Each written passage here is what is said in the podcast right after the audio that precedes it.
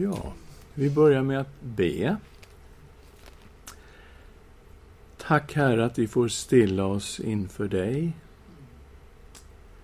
Tack Herre att vi får samlas i ditt heliga namn, att du är här mitt ibland oss.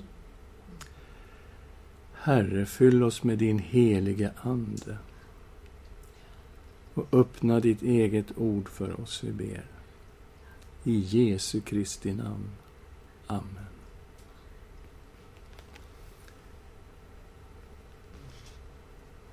Ja, vi har ju kommit en bit in i vårt studium som vi kallar för översikt till Nya Testamentet eller introduktion till Nya Testamentet.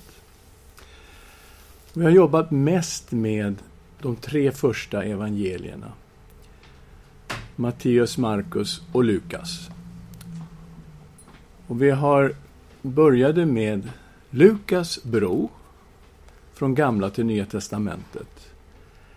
Och den här bron är ju att han visar att de gammaltestamentliga profetiorna, de har gått i uppfyllelse i Jesus Kristus. Och sen gick vi över till Matteus bro. Och han tar sig an samma introduktion egentligen, fast från en helt annan vinkel.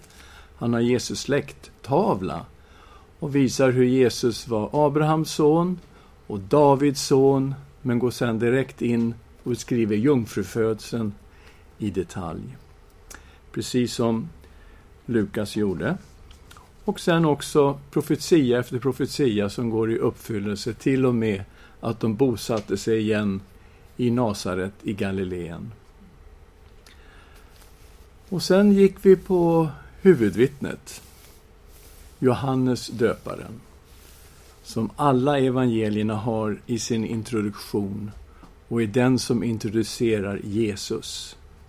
Och vi tittade utifrån Johannes, vad Johannes säger i sitt evangelium om Johannes döparen. Sen gick vi på de tre första evangelierna, som vi kallar för synoptikerna, och tog huvudtankarna genom de här tre evangelierna. Och nu kommer vi till det fjärde evangeliet, Johannes. Och vi ska titta på det idag, de här kommande 45 minuterna, om det går. Vi gör ett försök titta på bakgrunden här. Författarfrågan. Och då är det ju så att det finns många tidiga vittnesbörd och alla pekar ut Johannes, aposteln Johannes, som författare till det fjärde evangeliet. Så det är väldigt enhetligt. Men det går ju också att lista ut det här när man läser evangeliet noggrant. Därför att man kan ju se då att Johannes evangeliet är skrivet av ett ögonvittne. Det kommer fram i flera ställen, till exempel Johannes 1 och 14. Vi såg hans härlighet. Vi såg lika som en enfödd sons härlighet från sin fader och han var full av nåd och sanning. Och vid korset har vi detta också i 1935, att det är ett ögonvittne och det finns en anonym lärjunge genom hela detta evangelium som skriver om sig själv i tredje person. Och eh, i slutorden här står det om den lärjungen i 24 versen. Det är den lärjungen som vittnar om detta och har skrivit detta och vi vet att hans vittnesbörd är sant. Så det är den anonyme lärjungen som har vittnat detta och som har skrivit detta. Tänker man, ja men det låter som man talar i tredje person, och det är det som är poängen. Att konsekvent så är det så att författaren genom Johannes evangeliet talar om sig själv i tredje person. Alltså, den lärjunge som Jesus älskade. Vi ser honom i slutet av första kapitlet. Vi ser honom i trettonde kapitlet vid påskmåltiden. Det är den lärjunge som lutar sig mot Jesu bröst och frågar vem är det som ska förråda dig. Vi ser det i 18 kapitlet, när det är den lärjungen som visar Petrus hur man kan komma in på översteprästens gård. Vi ser det i det 19 kapitlet vid Jesu kors, den lärjunge som Jesus älskade. Han står där bredvid Jesu mamma Maria och säger eh, Se din mor och säger till Maria, se din son. Och vi har det också i 20 kapitlet vid uppståndelsen, där Petrus och den här äh, lärjungen som Jesus älskar, som springer till den tomma graven och tittar in, och Johannes är ju den som springer snabbare än Petrus, och kommer först fram till graven. Vi har det också här i det 21 kapitlet, där det är kallelsen av Petrus. Han får veta, Petrus, att han kommer att bli martyr. Han kommer att få ge sitt liv. Och då vänder han sig om och tittar på Johannes, hur blir det med honom? Och Jesus säger, ja, om jag vill att han ska leva kvar till dess jag kommer, vad kommer det dig vid? Följ du mig. Så han är där, och det är han då som är den som har skrivit det här evangeliet. Vem är han då? Den här anonyme personen? Ja, det går faktiskt att lista ut att det är Johannes. Han kan ju inte vara en av dem som är namngivna eftersom han är den anonyme lärjungen. Så han kan inte vara Petrus, Andreas, Filippus, Thomas, Judas, Jakobsson. De är namngivna i evangeliet. Han måste vara en av de tolv, för han var närvarande vid sista måltiden när nattvarden instiftas. Han har en hedersplats vid nattvarden. Han är den som ligger närmast Jesus och som lutar då sitt huvud mot Jesu bröst vid nattvarden och ställer den här frågan. Han måste vara väldigt nära, för det var ju han som fick uppdraget att ta hand om Jesu mamma, Maria. Och Det betyder att han måste ju vara någon i den inre kretsen av Jesu lärjungar. Den inre kretsen består av Petrus, Jakob och Johannes. Och Petrus kan det ju inte vara, för han är ju namngiven. Då återstår bara Sebedeus söner Jakob och Johannes. Det är någon av de två. Men Jakob, han blev avrättad av Herodes år 44 efter Kristus. Och det läser vi om i Apostlagärningarna 12 och 2. Så då finns det bara en kvar. Han måste vara aposteln Johannes. Dateringen av den här är ju något som diskuteras. Enligt tidiga vittnesbörd, om man går till kyrkofäderna, så lägger man den någonstans under Domitianus regering, då är man 90-94 någonstans, brukar man säga att eh, det är skrivet. Men en betydligt tidigare datering är möjlig. Och ni ser här på bilden så har vi Betesta, Betestadammen. Och det här är ju en, ett sånt ställe som gör att man undrar när är det här egentligen skrivet? Och vi läser i femte kapitlet, vers 1-4. Därefter inföll en av judarnas högtider och Jesus gick upp till Jerusalem. Vid fårporten i Jerusalem finns en damm som på hebreiska heter Betesda. Den har fem pelargångar. I dem låg många sjuka, blinda, halta och lama. Där fanns en man som hade varit sjuk i 38 år. Okej, okay. det är tidsformerna här. Det, det är en, en damm som heter Betesda. Och den har fem pelargångar.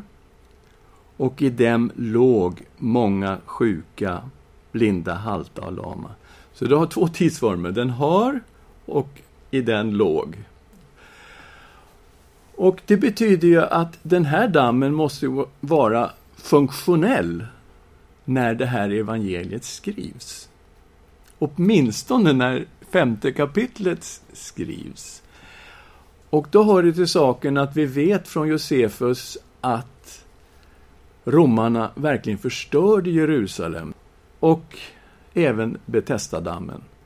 Så om det här var skrivet på 90-talet så borde det stått att vid fårporten i Jerusalem fanns en damm som hette Betesda. Den hade fem pelargångar. Den var alltså inte i funktion då när evangeliet skrevs. Men det ser ju ut som den är fully operational då eh, när evangeliet skrivs. Och då får man en dateringsfråga som gör att det blir möjligt att datera också det här evangeliet till före år 70 när den här dammen förstördes.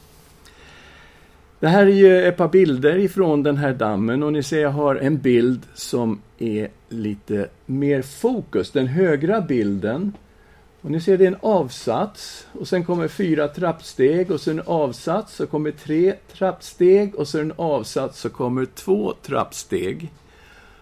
Och det här har gjort att man är rätt säker på att det här har varit ett mikvebad.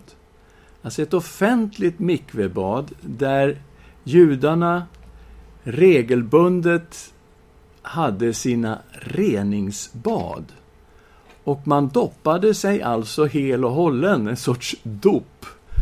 Och det skedde regelbundet. Många judar gjorde det varje dag. Det vet vi från Qumran. De gjorde det varenda dag. Och innan man gick till templet så skulle man alltså rena sig. Och det fanns två stora offentliga mikvebad har man kommit fram till. Det ena är Betesda och det andra är Siloam.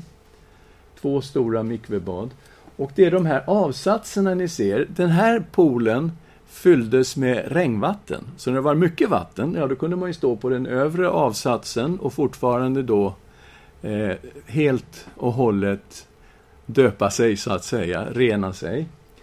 Men vart efter vattnet sjönk undan så gick man till en annan avsats. Och så gick man till en tredje avsats och till slut så stod man nere på botten.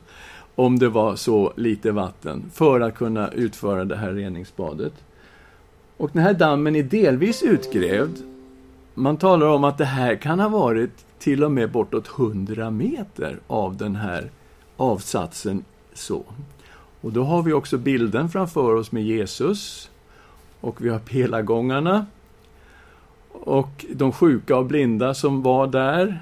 Och det är alltså en ganska stor anläggning vi talar om. Och det är många som går ner i de här reningsbaden eh, som då är öppen för judarna, för allmänheten. Så, dateringen blir då, ja, det kan ju vara på 90-talet, men det skulle också kunna vara före år 70, till och med det fjärde evangeliet. Och Döda havsrullarna spelar en viss roll i detta. Man hittar ju de här 47, de första rullarna, i grottor vid Qumran. Och man har ju anklagat Johannes evangeliet för det här sättet att skriva med liv, död, ljus, mörker, de här kontrasterna som finns genom evangeliet, sagt att det här är inte ifrån tidigt första århundrade, det här måste vara någon gång kanske på andra århundradet, föreslog man, innan man utvecklade det här sättet att tänka. Men Qumran har visat att det här var i full sving under första århundradet, för i de här skrifterna har man också hittat just de här kontrasterna mellan liv och död, ljus och mörker, som gör att Johannes evangeliet mycket väl skulle kunna vara skrivet före år 70. Det finns inga problem i detta. Betestadammen, det står att den hade fem pelargångar och då har man ju undrat, men hur såg den dammen ut? Jag menar alla dammar är ju fyrkantiga typ, hur kan den ha fem pelargångar? Det går ju inte. Fyra okej, okay, men fem går ju inte. Så har man sagt, ja men här är något påhittat, det finns inte. Tills man ser att det egentligen är två dammar i Betesda. Och det fanns en femte pelargång som delade av de två i mitten. Så visst, det fanns fem pelargångar vid Betesda. Siloam upptäcktes 2004, grävdes fram i augusti 2005. Också omnämnd i nionde kapitlet av Johannes så är det ju så att Jesus säger till en blind man att gå och tvätta sig i Siloam och han får sin syn tillbaka. Tillbaka, han blir seende, han var född blind. Han blir alltså seende från det ögonblicket. Och man har hittat ett gammalt fragment av det här evangeliet. Det hittades 1935 i Egypten. Och det är daterat till mellan 110 och 120 efter Kristus. Och det stöder också en tidig datering av brevet. Kan mycket väl vara från före år 70. Mottagare av det här evangeliet, ja, det är primärt skrivet för troende som kände till synoptikerna, de tre första evangelierna. Och det ser vi ju därför att det här fyller ut detaljer som finns i, i synoptikerna. Jesu dop till exempel är ju väldigt tydlig i alla tre första evangelierna. Och här står det en hel del om Johannes döparen, vad han sa om Jesus kring dopet, den heliga Ande som kommer ner över Jesus, men själva dopet finns ju inte med i Johannes evangeliet. Inte ett ord om hur Johannes döpte Jesus i det här evangeliet. Så det fyller ut, ger oss en fullare förståelse. Nattvarden, ja, den har vi ju också en hel del detaljer kring nattvarden. Det här med Johannes och luta sig mot Jesu bröst och fråga vem är det som ska förråda dig och så vidare. Vi har fotatvagningen, vi har många detaljer som händer där kring påskmåltiden. Men själva instiftelseorden av nattvarden finns ju inte med i Johannesevangeliet. Och det måste ju betyda att Johannes förutsätter att de som läser det här evangeliet, de känner till synoptikerna. De vet vad som står där och så fyller han ut med viktiga detaljer kring de här centrala händelserna. Och det är sannolikt riktat till hedningar primärt, alltså icke-judar. Och det ser man på att det är väldigt många ord som översätts här, som visar att ja, men de här kunde nog inte hebreiska som läser det här. Messias, ja, det är detsamma som Kristus, får vi reda på. Kefas, ja, det är detsamma som Petrus. Golgata, huvudskalleplatsen. Eh, Siloam, det betyder utsänd. Alltså hela tiden har vi sådana här översättningar av hebreiska till grekiska. Som gör att vi tror att det inte är skrivet till judar då primärt, utan primärt till hedningar. Och eh, man jämför också det här evangeliet med synoptikerna, de tre andra. Då ser man att synoptikerna är ju primärt riktar sig på Jesu verksamhet i Galileen. Medan Johannesevangeliet riktar sig ju framför allt till hans verksamhet i Judeen och i Jerusalem. Så det är ju mycket mer information om vad som händer i Judeen och Jerusalem i just Johannesevangeliet. Och när man läser synoptikerna så ser det ut som Jesu verksamhet varar bara ett år. Men när man läser Johannes, då får man ju en bild av, ja men det varade nog i tre år. Och vi har tre påskhögtider omnämnda i det här evangeliet, i andra kapitlet, i sjätte kapitlet och i tolfte kapitlet. Så att, ja, ja men det varade nog i tre år, får vi reda på i Johannes. Vad är det för tema då? Ja, det här evangeliet det skrevs med ett väldigt tydligt syfte. Det skrevs för att visa att Jesus är Messias, Guds son. Och det har Johannes talat om. När vi tittar på nyckelverserna här, vi tittar på den andra här, eh, kapitel 20, vers 30-31. Många andra tecken som inte är nedskrivna i denna bok gjorde Jesus i sina lärjungars åsyn. Men dessa har blivit nedskrivna för att ni ska tro att Jesus är Messias, Guds son, och för att ni genom tron ska ha liv i hans namn. Därför är de här tecknen nedskrivna. De är alltså handplockade i Johannes, Jesu tecken. Och de kallas inte för under, utan kallas just för tecken för att de visar vem Jesus är. Och det här är tolkningsnyckeln in i hela evangeliet. Man läser alltså evangeliet utifrån de här två verserna och ser hur är det nu? Visas det verkligen fram genom evangeliet att det är Jesus som är Messias, Guds son? Svaret är entydigt ja. Det är solklart det här som man har för ögonen när han skriver evangeliet. Och en nyckelvers som vi tar fram är att Gud blev människa Jesus Kristus, och det är 1 och 14.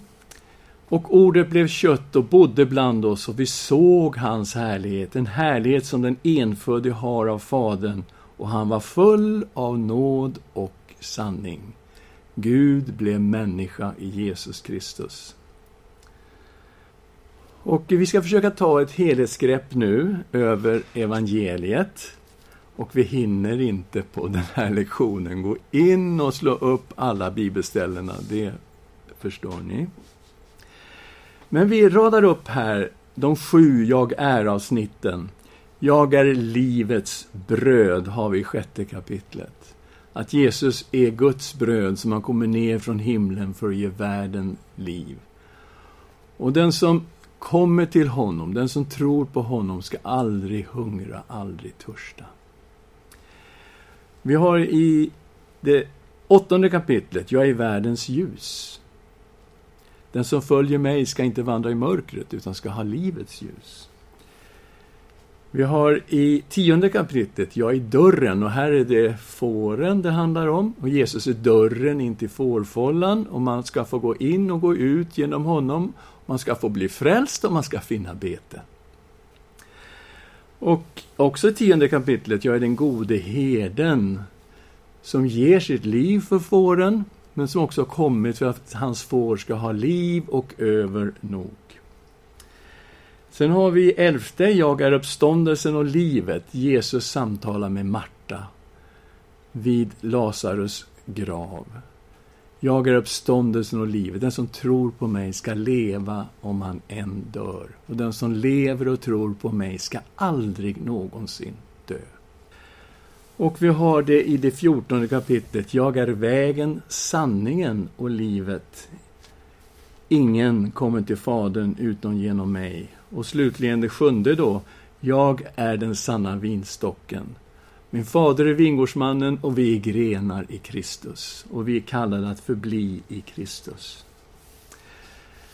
Så här är oerhört rika ställen, men där Jesus kommer med ett självvittnesbörd, talar om sig själv utifrån jag är.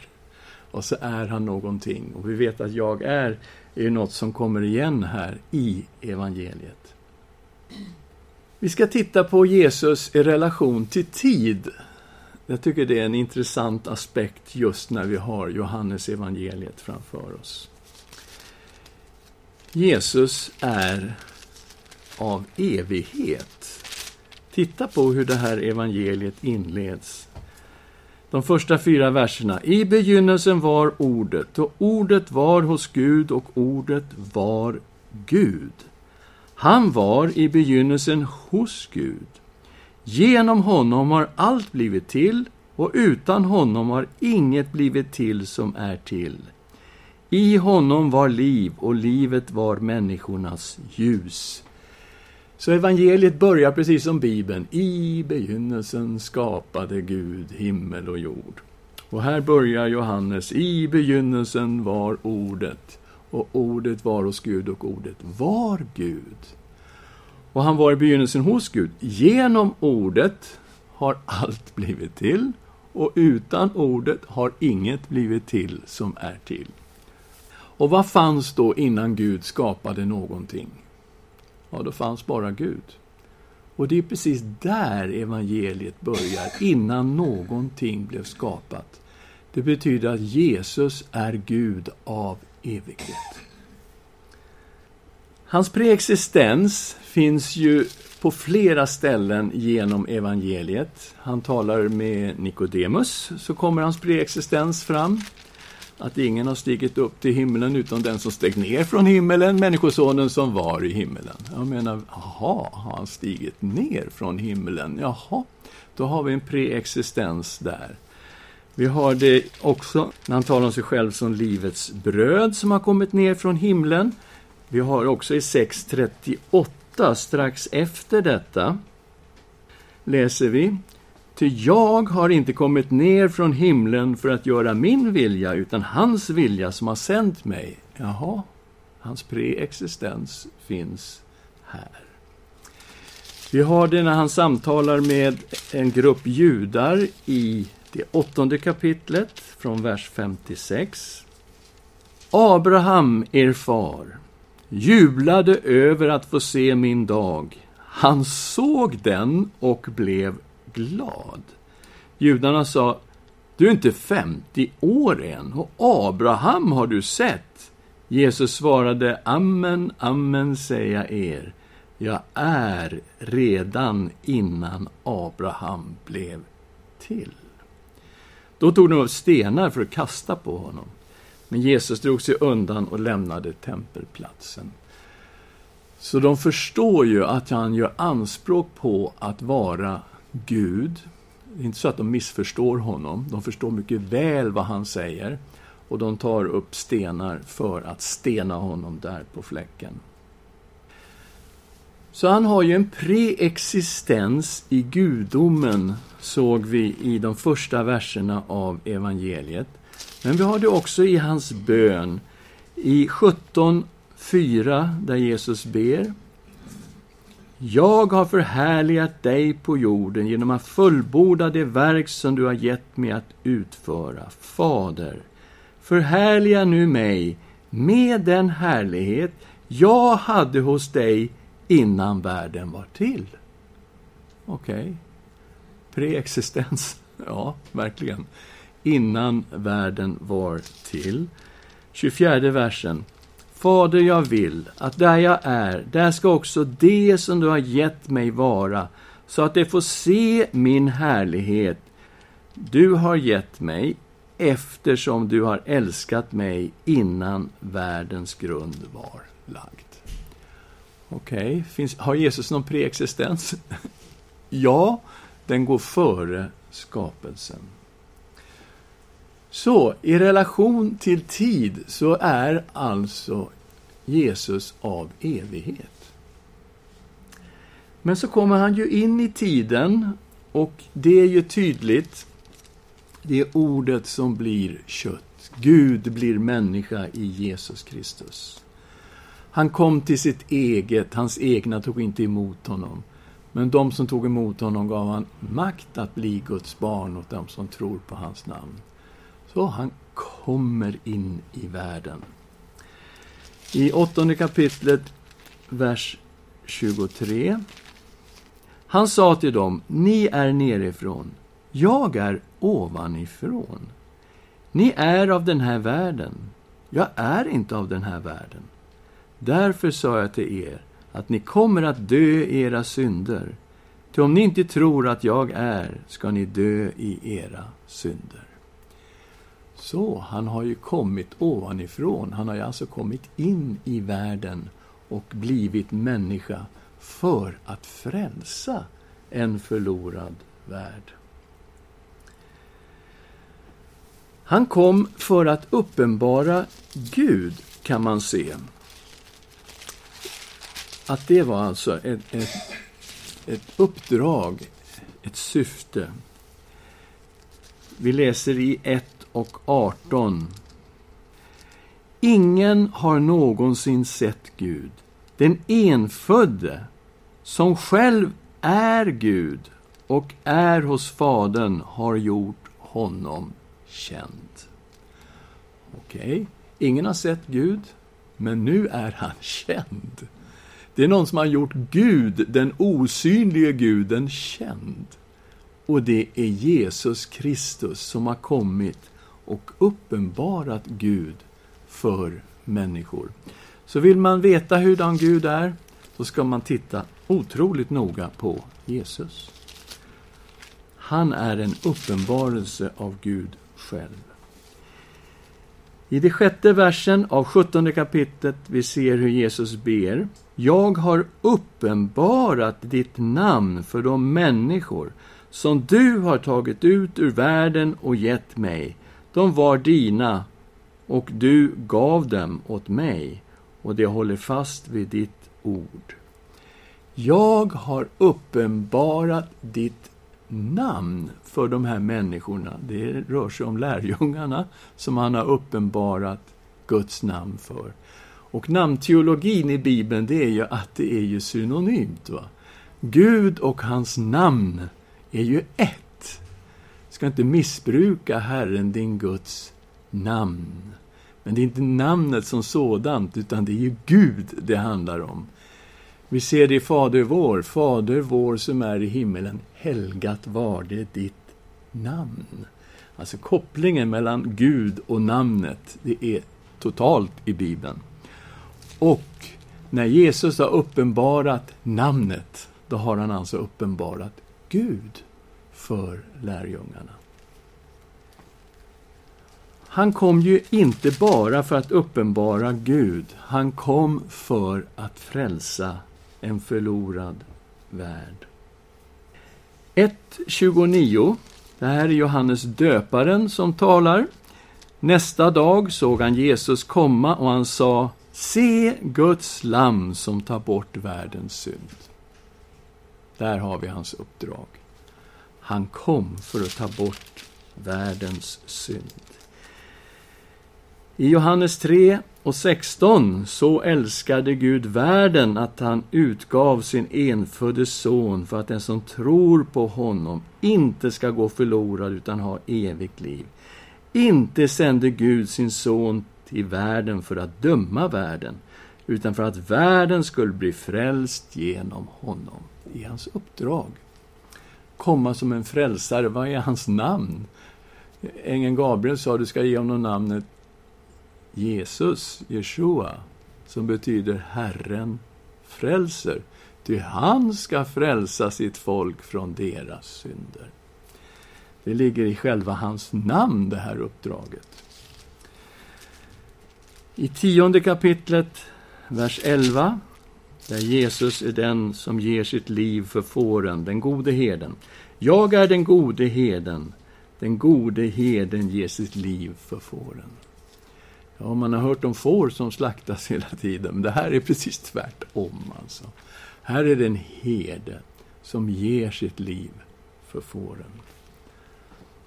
Det är hans uppdrag. Så han är i, i, av evighet. Han kom i tiden. Han utförde uppdraget, uppenbarade Gud, gav sitt liv för att frälsa människor och sen återvänder han till härligheten Jesus skulle återvända till himlen. Och det ser vi i hans tal i det sjätte kapitlet, där han står i synagogan i Kapernaum och talar.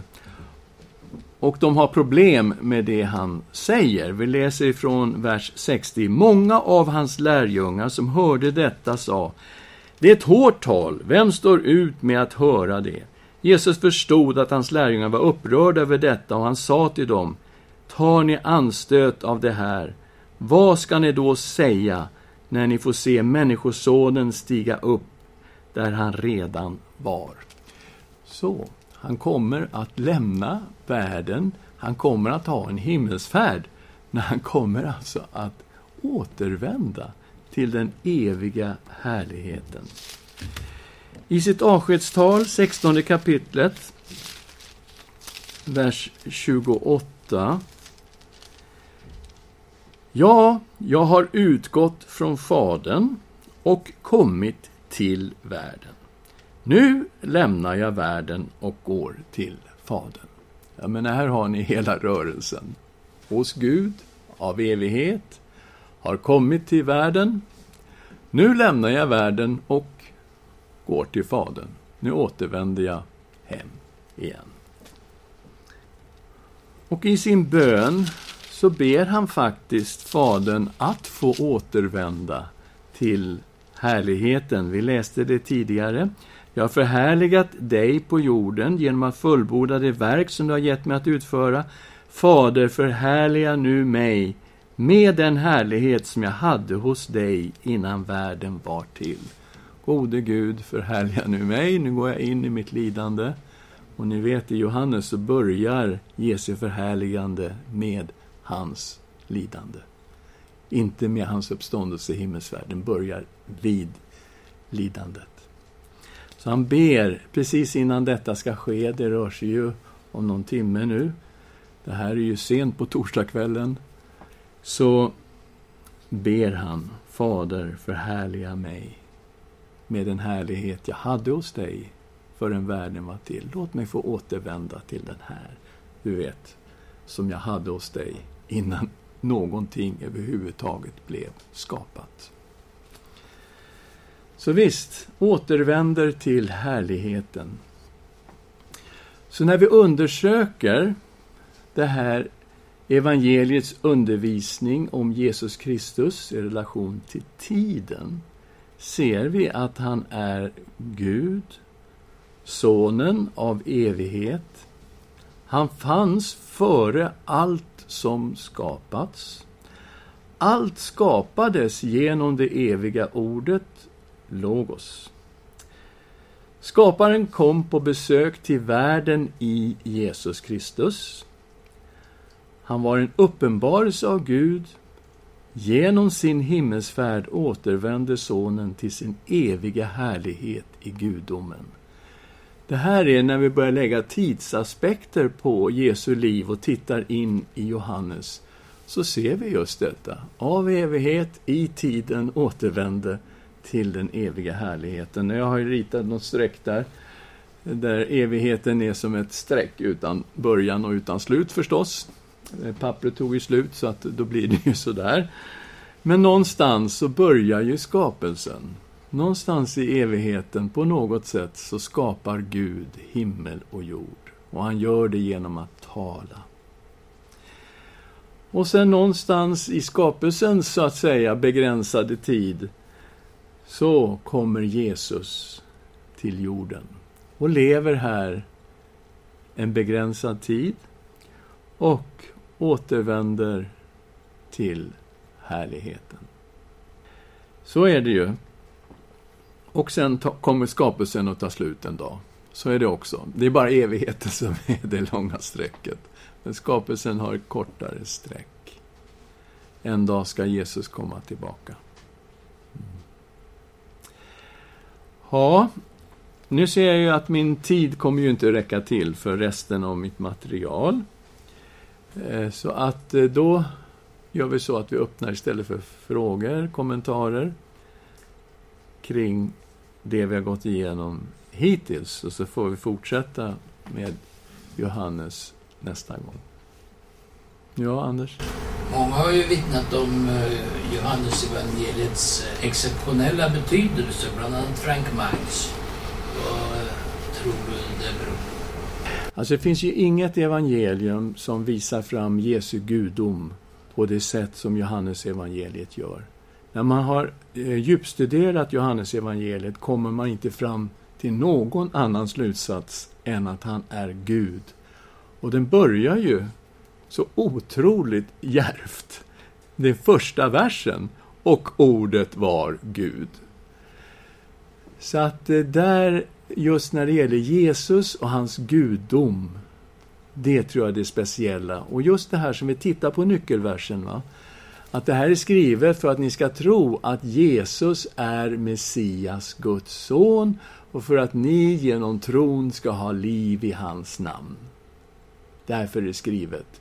Och när man tar emot Jesus på det sättet som Johannes är skrivet, då får man också liv i hans namn. Så det är ett väldigt speciellt evangelium. Jag har också en speciell relation till det här evangeliet. Jag har ju memorerat hela Johannes. Så att det liksom är ju så att jag har liksom levt med det här evangeliet eh, stora delar av mitt liv. Ja, Lennart? Jag har inte jag varit med och lyssnat på det så länge, men eh, Johannes, han är ju mer filosofisk än de andra också. Eller alltså med de här lite mer abstrakta formuleringarna. Ja, man kan säga det som är, skiljer ut i Johannes, det är det här, han, han tar fram ett handplockat tecken, ett under. Och kring det här undret så talar Jesus om sig själv. Och det han säger om sig själv är alltså relaterat till det under som har skett. Så han undret blir ett tecken och så kommer en självvittnesbörd ifrån Jesus. Och det är väldigt eget för Johannes, men det är mycket intressant, för det är det här vi får så mycket kött på benen. Vem är Jesus? Så har ju brödundret och så har du då sjätte kapitlet. Jag är livets bröd. Den som kommer till mig ska aldrig hungra. Den som tror på mig ska aldrig någonsin törsta. Så det kommer ju i anslutning till undren. Ja, Anders? Det här rymmer ju också den där kontroversiella frågan om Jesus enda vägen till Gud. Ja. Som bland annat de här domkyrkopastorerna skrev om för några år sedan. Ja. Och kan det vara att... För de menar ju att det här är påhitt utav Johannes. Mm. Att eh, när han säger att jag är vägen, sanningen och livet och ingen Mm. kommer till mig, till Fadern utom genom mig. Ja. Det är påhitt utav Johannes. Är det, är det kontroversiellt, speciellt tror du? Därför han är, Johannes evangeliet är så starkt eh, undervisande om Jesu gudom och att han är Messias. För det, något sätt så är det ju svår, mer svårbevisat då, va? eller motbevisat. Mm. Nej, precis. Det finns ju i det här evangeliet flera sådana avsnitt som visar att Jesus är den enda vägen till Gud. Vi läste också i åttonde kapitlet att ni är nerifrån, jag är ovanifrån. Ni är av den här världen, jag är inte av den här världen. Och ni kommer att dö i era synder. Om ni inte tror att jag är den jag är, så kommer ni att dö i era synder. Det vill säga, vi är i en hopplös situation. Vi lever i vår synd, vi kommer att dö i vår synd och har ingen lösning på syndproblemet. Men, om ni tror att jag är den jag är, då förstås finns det ju en möjlighet att bli frälst. Så det kommer där i åttonde kapitlet. Vi har ju berömda i fjortonde, jag är vägen, sanningen och livet. Ingen kommer till Fadern utom genom mig. På vilket sätt skulle han vara den enda vägen? Han är den ende som har offrat sig själv för en förlorad värld. Det finns ingen annan som har burit all vår synd och skuld än Jesus Kristus. Därför är han den enda vägen till Gud. Och det är klart, det här är kontroversiella saker 2017 i Sverige i en relativistisk tid där det inte finns någon absolut sanning. Men här i evangeliet finns en absolut sanning. Han heter Jesus. Han är sanningen. Okej, Gud är sanningen. Men Jesus är en uppenbarelse av Gud. Så det blir kontroversiellt. Det sticker i ögonen på många. Likadant den här frågan som jag, tycker, som jag har grunnat på själv ganska mycket. Vem är det som väljer, så att säga? Där, eh, alltså att bli frälst. Är det människan som tar ställning till ett Ja. erbjudande från Gud? Eller är det som, det, som du läste upp här? Är det Gud som redan från början har valt vilka som ska bli frälsta? De som du har gett mig, liksom. Mm. Då, då blir det ju då blir det nästan meningslöst. Det är den där predestinationsläran. Jo. hämtar man stöd ifrån Johannes evangeliet i den då? Det, det gör man också i destinationsläran. Det, det är sant. Det finns sådana avsnitt. Ni har inte utvalt mig, jag har utvalt er. Och jag har bestämt om er att ni ska gå stad och bära frukt, sådan frukt som består. I femtonde kapitlet. Så visst, man hämtar stöd för predestinationsläran också i Johannes. Men det som är stort och svårbegripligt, det är att gång på gång kommer detta att Fadern har gett lärjungarna till Sonen, dem som du har givit mig. Så han har fått lärjungarna som en gåva från Fadern i Johannes. Och det är ju till att börja med ganska fint att se på sig själv på det sättet att Fadern har gett oss som personliga gåvor till Sonen. Det är någonting väldigt stort i detta. Och det är ingen människa som kan komma till Gud av sig själv. Den helige Ande är den som utför verket. Det anden är ju utsänd för att överbevisa om synd och rättfärdighet och dom. Det gör anden. Anden är utsänd för att vittna om Jesus, säger Jesus i 1526. också utsänd för att förhärliga Kristus. Så det är Anden som verkar i människor när de får upp ögonen för vem Jesus är och får en kallelse till att ta emot Jesus Kristus. Ingenting sker utan den heliga Andes verk. Och då står vi och pratar om, är människans gensvar på Andens verk i oss viktig? Och vi i vår tradition säger ja, det är jätteviktigt att människan säger ja. Jag vill. Därför att vi tänker på det här utifrån kärlek. Kärlek är aldrig tvång. Utan kärlek är ju någonting där två individer, så att säga, säger ja till varandra. Och Gud har gjort sin enorma kärleksförklaring i Kristus och gör allting för att människan ska bli frälst och till och med uppenbarar genom Anden.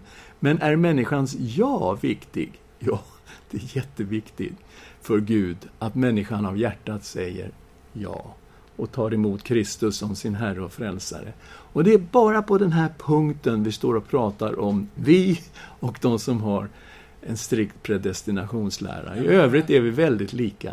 Vår generation är ju på något sätt mera präglad utav att uh, kanske inte att det är en kärleksrelation utan inflytandet av den straffande guden. Va? Mm. Välj nu, välj Jesus. Och, uh, och du måste du kan gå förlorad imorgon om du liksom inte tar ställning idag. Va? Det, är ju, mm. det är ju kanske inte det där utan det är rätt mycket av gammaltestamentligt straffande Gud som, som präglar våran utpräglade eh, dike åt andra hållet. Va? Vi, vi skulle verkligen... Eh, ja, men jag skulle säga att apostlarna är faktiskt i det facket. De utmanar människor att om ni inte omvänder er, då finns det bara en dom kvar. Paulus är väldigt tydlig på detta, Petrus är också tydlig på detta. Så att, eh, vad ska de göra? Omvänd er och låt er alla döpas i Jesu Kristi namn till era synders förlåtelse, så ska ni som gåva få den helige Ande. Men utan omvändelse och ta emot Jesus som sin Herre och Frälsare, är människan förlorad. Så att det, eh, det är en allvarlig situation. Så att apostlarna står också på den sidan, faktiskt. Men nu har tiden kilat ifrån oss. Jätteintressant samtal. Vi ska avsluta med att be tillsammans. Tack för ditt underbara ord. Tack för den helige Ande som öppnar ögonen på oss så att vi kan se och förstå vem du är, Jesus Kristus, vår Herre. Välsigna ditt ord i våra hjärtan. I Jesu namn. Amen.